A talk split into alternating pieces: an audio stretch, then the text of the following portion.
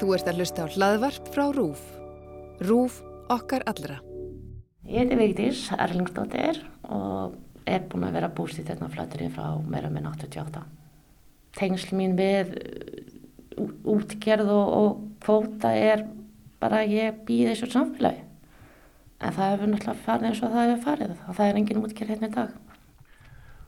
Þegar þú flyttur hingað alveg hérna 88, hvað er í gangi hérna flattir þá? Þá er hérna verið að reyka hérna stort fristúr og það er tógari og það eru línubatar og það er mikið um að vera í bæði fiskvinnslunni og, og bara útgerða þetta um bara allstaðar og þetta hafi náttúrulega rosalega áhrif á samfélagið allt þorpið. Svo er tógarinn seldur og það eru breytingar á, á fyrirtækja, það er annað fyrirtæk sem tekur við og það heldur bara áfram svo bara tekur svo aðilega ákveðan það að selja. 2007 og eftir er bara margir búin að reyna og það hefur ekkert gengið. Kvóti fyrir þetta samfélag hérna í dag er eitthvað sem að er, er, það er ekki góð, það, jú, jú, auðvitað góð saga. En, en hún er ekki til staðar í dag. Það er engin útgjör hérna í dag. Kerfið, afnót af auðlind í eigu þjóðar þriðji þáttur, verbreyfin eru ekki hér.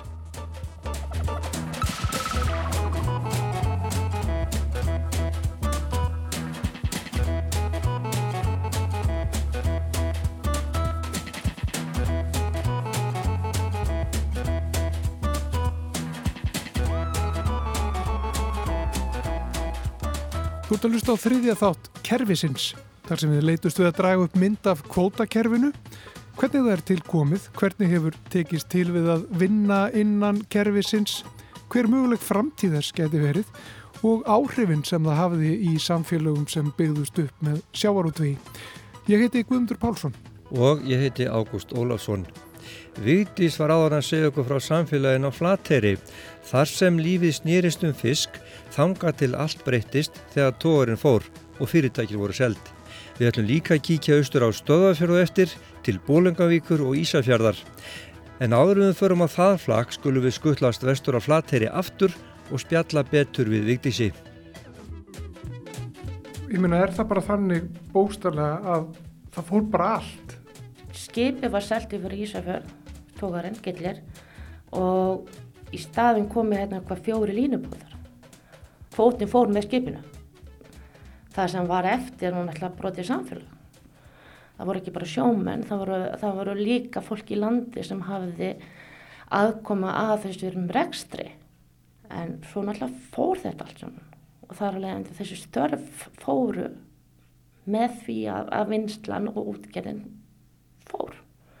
Við erum náttúrulega búin að gangi gegnum rosalega mikið öll saman bæði snjóflóð og, og, og, og allar þessar breytingar stýringin í það að við ættum öll bara að pakka saman og fara að suðu var mjög hávær þá tala um að byggja einhverja blokkir reykjaug fyrir okkur því myndi taka móta okkur öllu saman en það var bara einhvern hugsun sem við vildum bara ekkert vinna með þannig að við reyndum en það gekk ekki Getur þú með betur frá því? Hvað var reynd? Við náttúrulega þarna tökum við keflinu þarna 2007 og reyndum að halda uppi sama mannaforða og útgerðar þáttum með smábótum að við áttum náttúrulega ekki skip. Þannig að þetta, við, þetta var allt byggt á að fá fisk til þess að halda uppi vinnu fyrir samfélagi. Við vorum meðalans mjög djörfi það að við keftum frósinfisk og þýttum hann upp til þess að hafa vinnu fyrir fólkið. Við vorum svolítið lens en við náðum að halda boltana rúlandi í rúm þrjú ár og svo bara urðum við að segja bara sorry, við, við gáttum ekki að halda þetta út. Og það er sem sagt þá 2011 sem við verðum gælfröta. Og eitthvað er reynd síðan, eða hvað? Um, það hafa þrjú fyrirtæki reynd. Uh, en það hefur ekki gengið neitt betur ég veit ekki hvað það er en það allavega útgerðin er ekki mér, að mér finnst að við hefum að fara að horfa eitthvað annað en fisk Og hvernig er því tekið hérna í, í samfélagi eins og hérna á, á Flateri þar sem að ég er svona langan tíma fiskur var bara allt sem að, að lífi gekk út á. Við, þetta bara samfélagi hefur breyst svo rosalega mikið. Þeir sem voru háðir vinnu við, í, við, í fiski, fiskútgerðinni eða já, þetta er allt farið. Þannig að hér er fólk búsett af það að vil búa hérna og ég allavega fyrir mitt leiti, ég vil þá reyna að byggja upp eitthvað annað. Því að hitt hefur ekki verið að skila sér þó að við séum svona nála þessum með fiskimiðum að við erum bara, það ekki, var ekki rétt gefið og er ekki rétt gefið. Við höfum ekki eh, aðgang að því að sækja þennan fisk sem er hérna í, fjörðborðinu hjá okkur. Það er bara þannig. Þetta litla þorp hérna sem bara ganga gegnum stóra og mikla hluti að við eigum bara að fara að horfa það að það er eitthvað annað en fiskur. Það, það er engin smábátur útgerð hérna í dag. Náttúrulega flóðið 2020 tók ansa margt. Það er engin í útgerð hérna lengur. Það er einn bátur hérna sem er, að, er, er á, á veiðum sem að, sem að er að, og það sá fiskur fer mest allur eitthvað annað. Hann er ekki unnin hér. Bara breyti tímar. Væri hægt að gera þetta öðruvísi heldur? Væri, væri hægt að hafa kerfið öðruvísi? Hefur þú hugleita? Nei, viðstu það, ég er bara þannig að mér gæti ekki verið meira sama, í alvöru. Haldið áfram að rífast um þess að hluti lefa okkur bara að gera eitthvað annað, eh, mín skoðun. Ég vil hver ekki annar staði vera, en ég er náttúrulega búið með til vinnu. Skapa þá eitthvað annað sem tengist ekki fiski. Það er bara þannig. Ég þarf ekki að vera landaði fiskur. Við erum með aðganga á svo miklum allt öðrum hlutur sem, að, sem hefur kannski glemst af því það hér hefur alltaf verið fiskur. Þessi hugssjónum það að það sé að gera eitthvað annað hún er þarna en það er bara framkoman og halda því til streytu að, að, að við getum lifað á því. Lifað á fólki. Nú er alltaf hér um bryggjuna á stöðafyrði Hér við Bryggju eru, eru engangu smábátar en hér var eitt sinn tórútgerð, myndaleg útgerð, stöðfyrringar áttu talsverðan kvota. Hér var reykið hrafistuhús, langstæsti vinnustæðurinn hér í Þorpinu. En e, tóra var seldur og kvotin með og fristuhúsun lokað.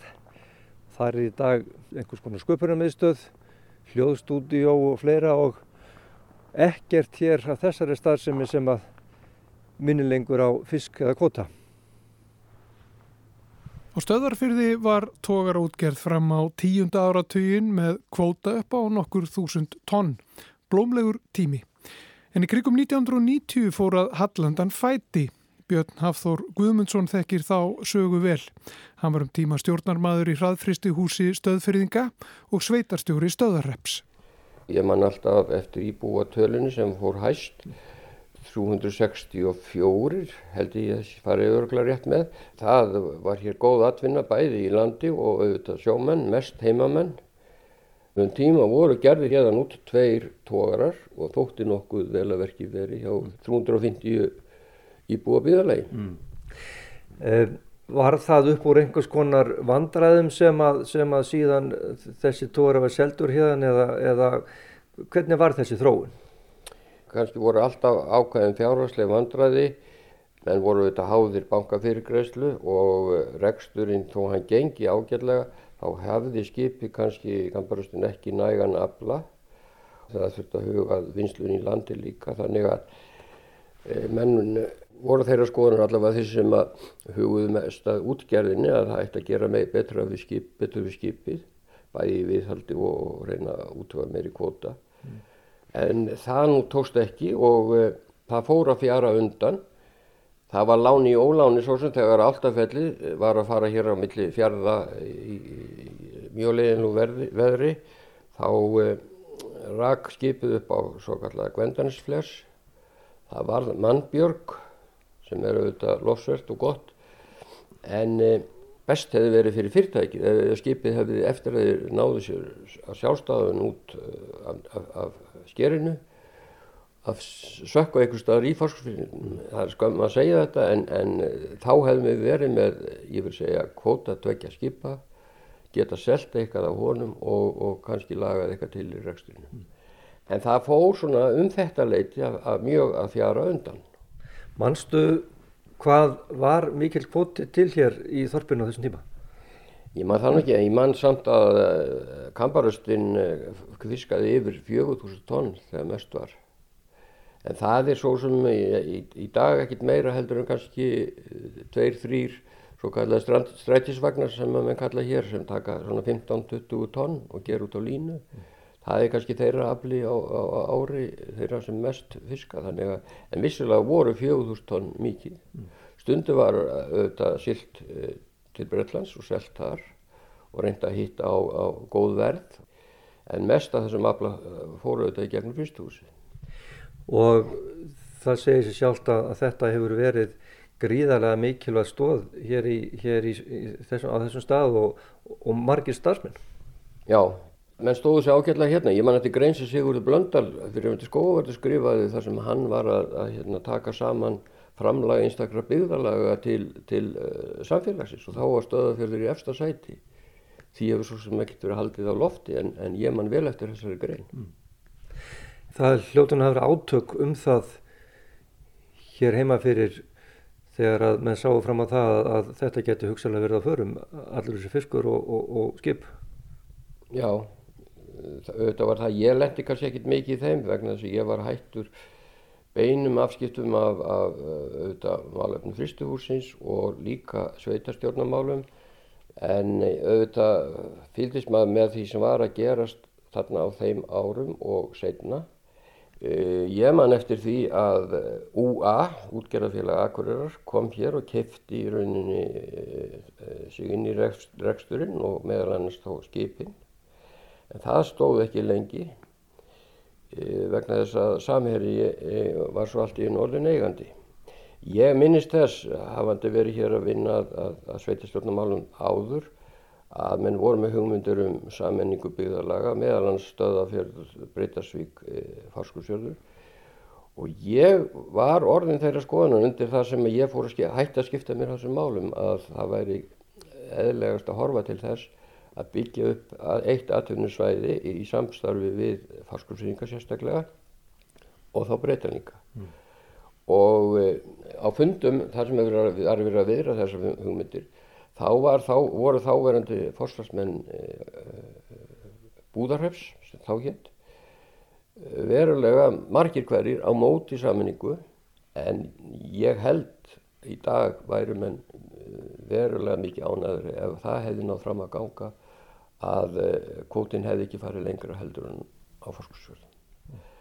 En einhvern veginn gerðist það að, að, þetta var komið þarna norður og þetta var, var endaði hjá Samherja Ég hef stundur sagt það sko, ég ætla ekki svo sem að virka mjög eh, bitur en það stendur svolítið í manni með sum þessir byggalaga sem að urdu þarna undir og meðalanstöðafölur að þegar að gustaði hvað mest í kringum samherja sem vissulega gerði ákvæmlega hluti hér í, í byggðalaginu þegar menn, fóru En sumt af því voru nú hefnda gjafir eins og fristuhúsið sem var í rauninni þá einskís nýtt en er núna nota sem eh, sköpuna miðstöð og svo sem ágætt en skapar ekki mörg, mörg mikið að útsvarstekju.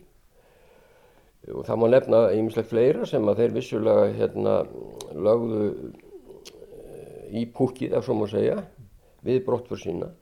En ég hef stundu verið að hugsa til þess samverð það þegar að gustaði hvað mest um samverja fyrir svona 2-3 ára síðan þegar að misvitri menn vildu láta frista uh, eignir þeirra.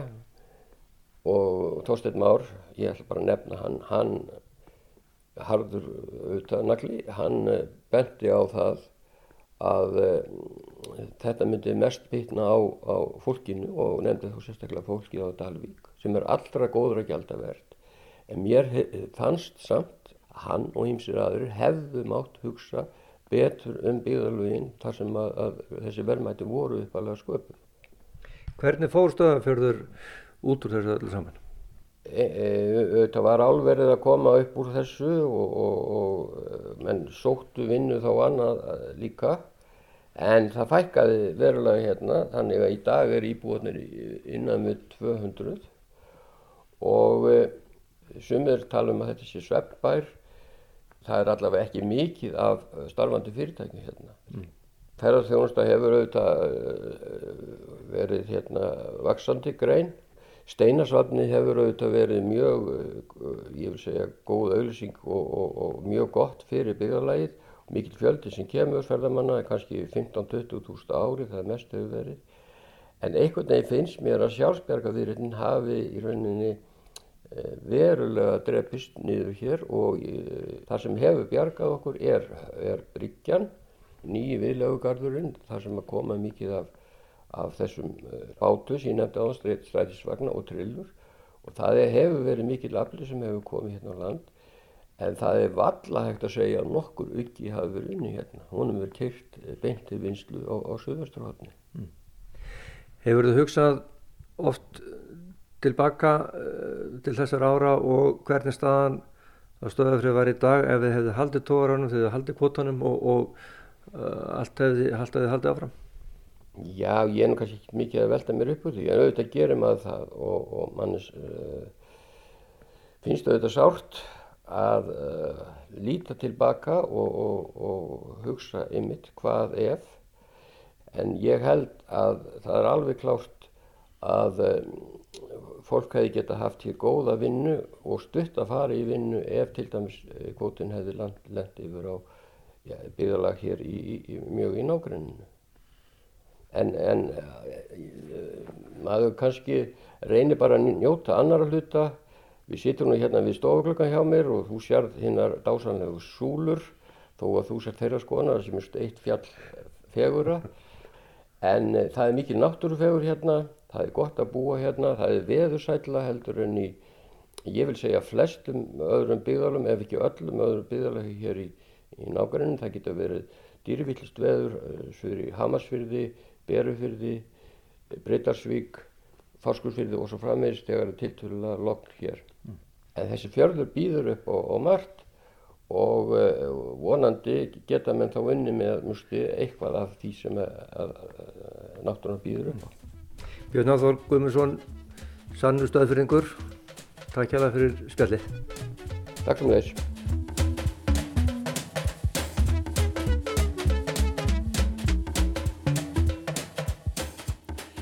Einar Guðfinnsson HF var stórveldi í Bólungavík, rakk útgerð, fiskvinnslu og vestlun. Þegar fyrirtækið óskaði eftir gjaldrótaskiptum árið 1993 var það áfall fyrir bæjarfélagið og samfélagið í Bólungavík. Fyrir tilstilli bæjarstjórnar og íbúana var fyrirtækið Ósvör stopnað, utanum skip og kvóta EG. Sárekstur var svo seldur en helst þó áfram á vestfjörðum. Ekki lengi samt, Gunnar Hallsson er eftirlauna þegi í Bólungavík og hefur á teima þar frá barsaldri. Gefum honum orðið. Ef ég fer aftur í, í þann tíma þegar EG, Einar Guðvarsson HF, var hérna allt umkring í, í þorpinu og var helsti og staðstu vinnuveitandin og, þjó, og þjónustu aðalar uh, unnu fyrir hann að það var náttúrulega grífiðarlegt áfall þegar það verður gældflota og ég er nærið vissum það að, að, að margir þorsbúar heldu að það bara gæti ekki orðið, orðið uh, gældflota og þar með náttúrulega kerði menn bara á vegg og þá er farið í það að bjarga skipum og kóta sem þá var komin. Og það er gert eh, með tilstilla bæjastjórnar og samhælni bæjabúa á fundi hérna í félagssegnunu. Það sem er lagtur upp með það að stopna útgerðafjara og frista þess að ná að kaupa, komast yfir egnir ekki þá fyrst og fremst eh, útgerðina og eftir aðtöku á fiskvinnsluna líka. Þetta er þarna bara strax upp á 93 og uh, þetta tók nú einhver tíma en uh, enga síður að, að Ósvör hefur rekstur þarna upp úr þessu. Það sem gerir svo er að um, tveir ungir menn þeir uh, taka á leigu eða kaupa, ég finnst mér alveg hvernig það var, hérna fyrst húsið og hefja þar fiskvinnslu. Gera það á þeim fórsöldum að það hljóti að vera að, að Ósvör eigi að skaffa þeim ráöfni til þess að fólkið í þorpunni geti fengið vinnuna. Stjórnundur Ósvarar voru hins vegar á því að þeir þyrtu að hámarka eðlilega verðið af fiskinum til þess að þeirra útgerð gangi. Og þarna var komið tókstreita Og þessi ungum menn voru miklu aðtapna menn og, og trúðu á, á, á sitt og allt það. Ég hef ekkert við það aðtuga. En þeir hefja síðan viðræður við bakka í Nýfstall um það að samena er að reyna að ná uh, að kaupa ósvör. Þegar maður hugsaður svona tilbaka, það var einfallega þarna öll fjöla sem hétt ósvör að berjast við að halda út í útgerð á þeim kóta sem var en menn voru á höttunum eftir kótunum og þegar, þegar að menn hafa ekki kraft til þess að berjast á mótið, menn voru kannski sterkari fjárhastlega eða höfðu stuðning að þá var kannski auðvelt að komast hannig inn í, inn í það. Þetta endar rauninni með því að bakki kaupir meira hlutan í ósvör tegur fristúsi allt í gegn en það var bara hérna í tvö ár þá selur bakki Þorbjörn í Grindavík og þegar ég, þegar ég skoða þetta svona þá er ekkert skrítið þó að hafi verið svolítið svona menn hafi verið óöryggir í Þorpinu þegar alltaf var að vera snúningur á atunulífinu þegar svona helsta driffjöðurinn í Þorpinu var alltaf að taka snúning koma nýjir og alltaf var að vera að, að, að lýsa fyrir fólkinu hvað það væri döglegt og þeir þyrst á þeim að halda. Það svona hlýtur að hafa haft mjög mikil áhrif á svona sálatetrið ef ég líti við þessa sögu þá má ég að segja það að, að þetta hafi verið svolítið svona eðimörku ganga á köplum og síðan gerðist það að fólku uh, skiptist í tvo áður þrjá hópa og það, það verður að segjast alveg svo er að því miður það var svona á ákveð árabíli var svona ákveðin útilökunar uh, moment í gangi. Ef þú varst ekki með þá varstu bara ekki með. Já, getur þú útskýrt þetta nánar? Já, ég bara, ef þú hafði einhver, einhverja evasendur um þessa snúninga alla auðvitað sáum menn það að það var auðvitað verið að eldast við kótan það var ekkert verið að eldast við þetta döglega fólk. Og ég mann til að hafa lesið eftir Óla Kristjánsson bæjarstjóra í viðtali um það leiti sem Þorbjörn kemur að þá var hann að skynja það að þetta, það sem við uh, í þessu þorpi höfum alltaf litið á Einar Guðursson, hann var eiginlega bara félagsmálastofnun. Það fengu allir vinnu og ef þeir vantaði vinnu eða vildi fara í fristihúsi þá fórstu ekki að byrja um vinnu, þú fórst bara að byrja um stimpelskort og stimplaði þig inn að því þú væri komin þannig var þetta bara og það var metnaði fyrirtækisins að allir fengi vinnu. Þegar þetta svo breytist þá er það ekki lengur vinnuaflið heldur er það þá fjármagnið eða efnahagurinn í kótanum og kannski voru borðvingingar og ég vel bara vestfyrringar allir þeir voru kannski svolítið seinir að kveikja á þessari þessi sem var að breytast. Reynda var sagt þegar kótakerfi var sett á það er að segja fisk í stjórnunin að við þurfum ekki að hafa neinar áhyggjur á þessu vestfyrringa því að fiskiminni væri bara hérna handan við ófærinu og við hefðum alla all tromp í hendinu með þetta. Þannig að menn höllið sem var aftur og baka þetta er alltaf leið sko. Þannig held ég að, að vestfyrringar hafi ekki verið nógu gaggrínir á uh, þessa tróun eða ekki bara hreinlega átt að segja á henni allir nema þeir sem sáu sáu tækifærin og það eru það sem hafa lifað það sem ná sjá tækifærin og nýta þau það er ekkert út á það að setja ég, ég, það er ekki það en, en mér, mann er fann stundum eins og að væri svona verið smá blekkingarleikur í gangi. Þegar að vera að segja fólki hérna á flottum svona pinnavislun sem er heldur gerðnan til að hafa okkur góð og vera með þeim að uh, þeir varu komnir hérna til þess að láta okkur hafa vinnu. En þeir voru rauninu komnir til þess að sækja uh, aflaheimildir. En það fóru þeir allar í Grindavík fyrir rest. Getur þú sko veltaðis fyrir þá með mér hérna hugtæki sem er samfélagslega ábyrð er, er það raunverulegt, ég menna, er þetta að gera þá kröfu til bara þeirra sem að, að nýta auðlindindar hérna til dæmis að þeir síni þá einhver, einhverja samfélagslega ábyrð þess að þú segir, ég meina fiskiminn eru ennþá bara þar sem þau voru, ekki sagt Jú, jú, þetta er mjög góð spurning. Og ég nú, hef nú alltaf verið frekar svona samfélagslega sinnaður haft hjarta með þorpinu þess að það er nú ekki farin. Sko þetta hugtak var kannski þetta kaufélagshugtakið eða kaufélagsmótilið ekki mótilið og svona samvinnu félög það er auðvitað basins tíma. En uh, manni hefur stundu fundist uh, þetta hafa breyst mikið og ég er ekki að segja að þessi fyrirtæki hafi ekki sínt svona um, samfélagslega hugsun, ég er ekki að segja það en það hefur verið meira svona í formi svona að uh, gefa einhverja gjafir uh, styrkja þetta, styrkja hitt sem er bara uh, ekkert sko bara fínt. Þannig að þetta, þetta er bara orðið breytt. Einar Guðvísson og allt það fólk, svo fjölskylda öll, hún var hérna með okkur í öllu þorslífinu eða bæjalífinu, í leikritunum og í, í, í kórnum og, og hvað sem var.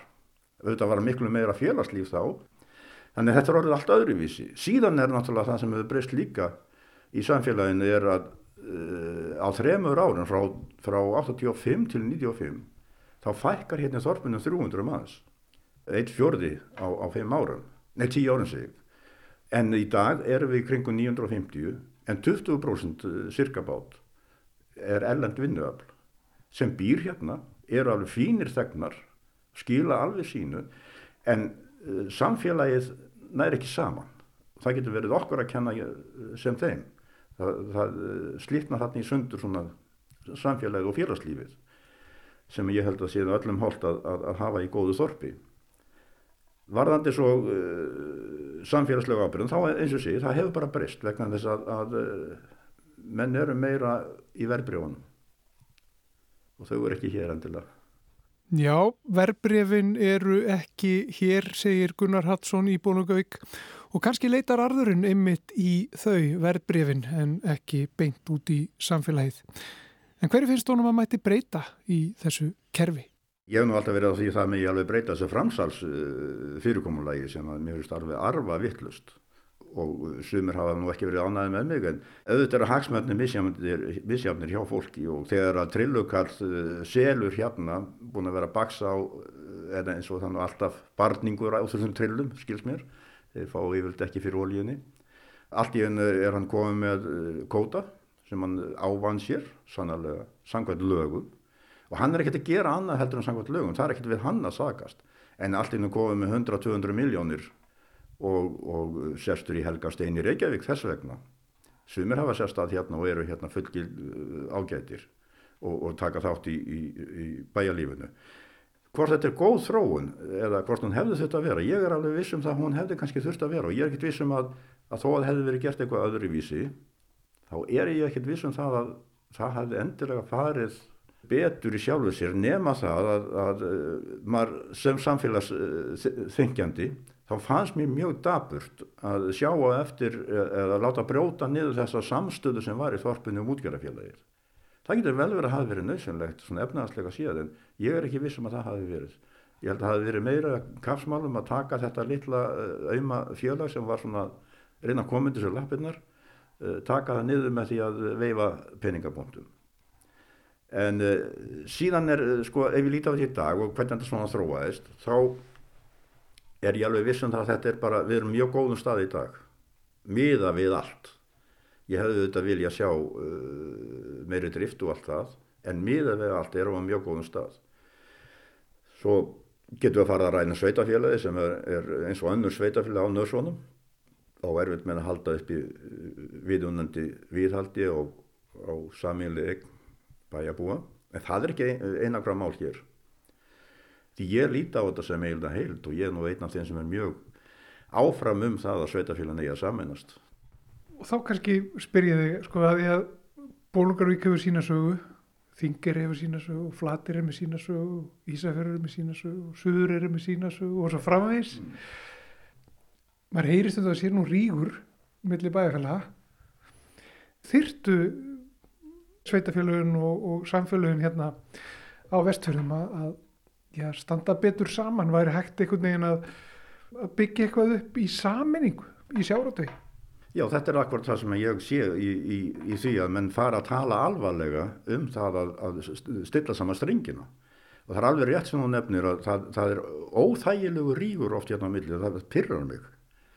Að ég var nú í íþjórnamála eh, byggingunum eh, stofnunum hérna að það ég var alveg harður á því að, að eh, við þurftum að taka þessi íþróttamáli í gegn og, og ekki vera að byggja sundlu á hverjum stað til dæmis og, og reka þetta bara sem eina, eina hild. Þetta hefur verið okkur svolítið arkilegsa hæll finnst mér, þessi, þessi hérna ríkur. En eh, mér finnst það samt vera að línast. En ég er náttúrulega bara komin á ellu laun og, og bara ger ekkit annað en að mestarlega hafa skoðun og fæstundum að, að, að, að svara fyrir það. Hvað er stóra máli sem að mætti breyta í kvotakerfinu þínum mati? Ef við bara losnum við þetta eða ef við breytum bara þessu þá er þetta bara fínast að kerfi. Er eitthvað eitt sem var hægt að breyta? Ég held nú ef ég hefði svar við þessu þá væri þessi spurning ekki sko. En þetta er náttúrulega búið að vefja svo upp á sig. Það er búið að setja alls konar plástra inn í þetta.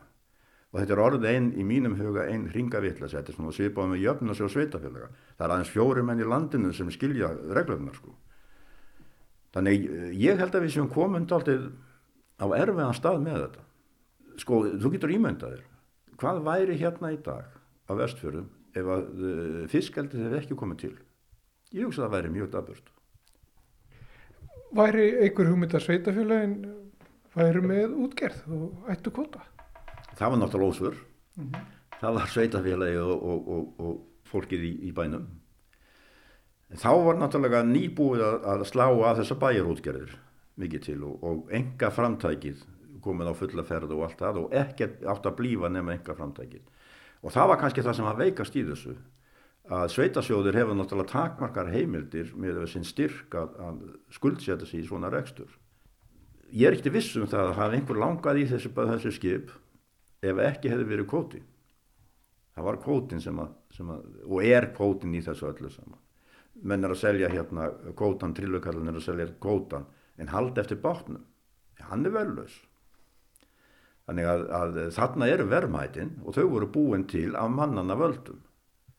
Þannig að, þess vegna hefum alltaf haldið því fram að þessi vísumenn þeir geti lagaða þannig að það veri kannski pínleiti sandgjörnara og þessir ofur uh, tekjur sem að einstakir útgerðarmenn er að hafa svona vennjulegir menn hljóta að, að halla aðeins haus yfir sko menn kalla þetta öfund ég er ekki á því að þetta sé öfund ég er á því að þetta sé bara svona eins og maður segir góð hugsun í litlu landi með 300.000 manns að menn getur kannski ekki aðeins skipta sér betur sín á milli.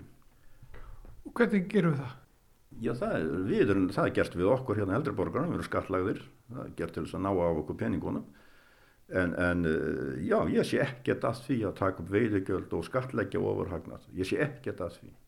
Er eiginlega svolítið hissaði hvað það gengur illa. Ég, ég, ég, ég fatta það ekki sko, en það er einn þeir sem eiga borgat að fatta það.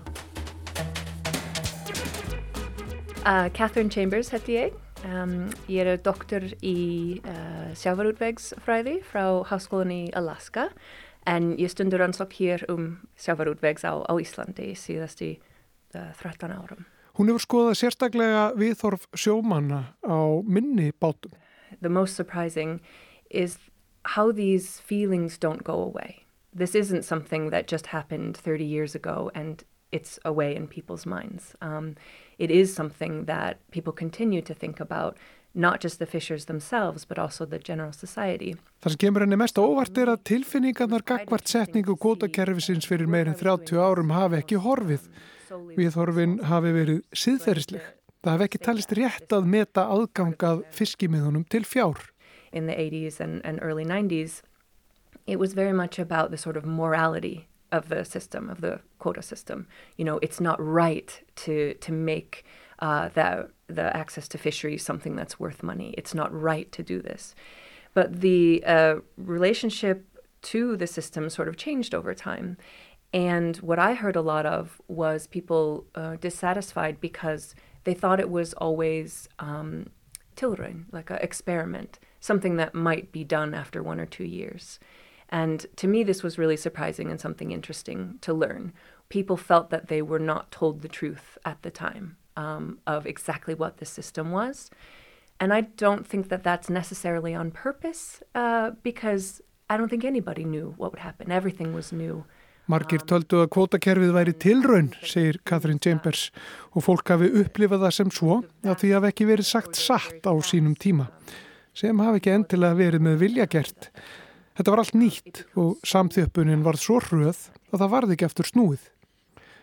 Það er áhugavert að velta fyrir sér hugmyndinni um hvort allir eigi reynlega hafa tækifæri til að vera sjómenn og það tengist hugmyndinni um Íslendinga sem fiskveði þjóð. En tengst við sjó og sjáarútveg eru margskonar, segir Katrín, og til framtíðalitið eiga þau tengsl eftir að þróast en frekar. Eitt sem, sem ég er að rannsaka núna til dæmis er svona næsta kynnslóð. Það er miklu meira svona tækifæri fyrir ung fólk uh, núna. Það er, er ekki eins og það var uh, 30 ár. En samt það er svona þessi, um, við, við segjum svona fate control to be able to do what you want to do og þetta er náttúrulega, uh, það er fólk sem vilja vera sjómenn, konur og, og kallmenn en þetta er svo erfitt uh, fyrir ung fólk uh, núna að það er bara ekki hægt. Það þarf að hafa alls konar, þú veist, líklega pappi um, sem geta aðstóða eða fjölskyldan eða einhvað svona og þessi svona uh, þröskuldur er svona of mikið fyrir, fyrir mest ung fólk. Ef þú sjá ekki tækifæri þá er það bara allt öðruvísi. Þú eru að hugsa um, já, ok, mér langar að gera þetta, mér langar að vera út á sjó, en, ok, ég get ekki, hvað er næsta, næsta skref? Um, og svo þetta er þessi spurning, þú veist, um svona, hvað er justice, sann, sann, uh, já, réttlæti. Réttlæti, já, ennveit.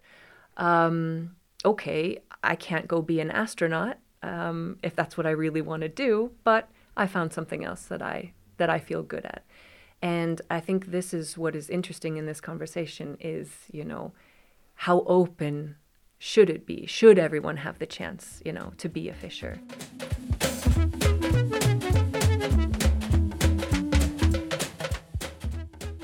Ég heiti Þorstin Másson og ég er eh, frangatastjóri í Bláma hérna í Bólungæk. Ég er alveg upp í, í þessu sko, í sjárati. Getur þú veldi fyrir þér með okkur hvað gerðist hérna á vestfjörðum? Af hverju alltaf þegar það er talað um veginn og afleðingar af breytingunni þá er talað um vestfjöði. Það eru margar ástæðar og ef við kannski byrjum á svona einni sem er alveg augljós, það er bara teknitról. Við getum alveg farið núna og sagt bara Marel. Marel gerði fullt af vestfjöringum atvinnuleysum. Gerði hérna verka fólk óþart í vinslunum. En ég held að sé engin ósáttu við það skilji ekki inn í end að þetta, við viljum náttúrulega að við séum með samkjöfnishæfan hérna, sjáarútveg og, og eitt af því er bara þetta við séum hagkvæm og nýtum okkur tækni og svona. Það eru sko dimmar hliðar á þessari hérna eh, tæknivæðingu og, og hagræðingu og það er ekki bara í sjáarútveg, það er bara í öllu. Því að markmið er alltaf að verða meira samkjöfnishæf og í háluna landi svo Íslandi er sem sagt, þú eigur samkjöfnisforskotið með því að minka þá vantilega launakostnað og, og við vorum og erum náttúrulega rosalega mörg hérna sem, sem er störfum og störfum við sjárótveg með höndunum, ef maður getur sagt sem svo. Og Marel byggði ekki hérna, vestmiðuna sínar á vestfjörðum. Þannig að ekki það sé eitthvað að lasta Marel en, en skilji, maður svona reyna bara kannski að e, útskýra af hverju ég held að við höfum farið svona, hvað maður að segja halloka í þessu. Vestfjörðir eru svolítið frá hérna hvernig útlutningurinn þróaðist þegar við vorum að flytja meira út fest og svona þá þurfti alltaf að trökka fisknum söður og svo í flugvelæra skip.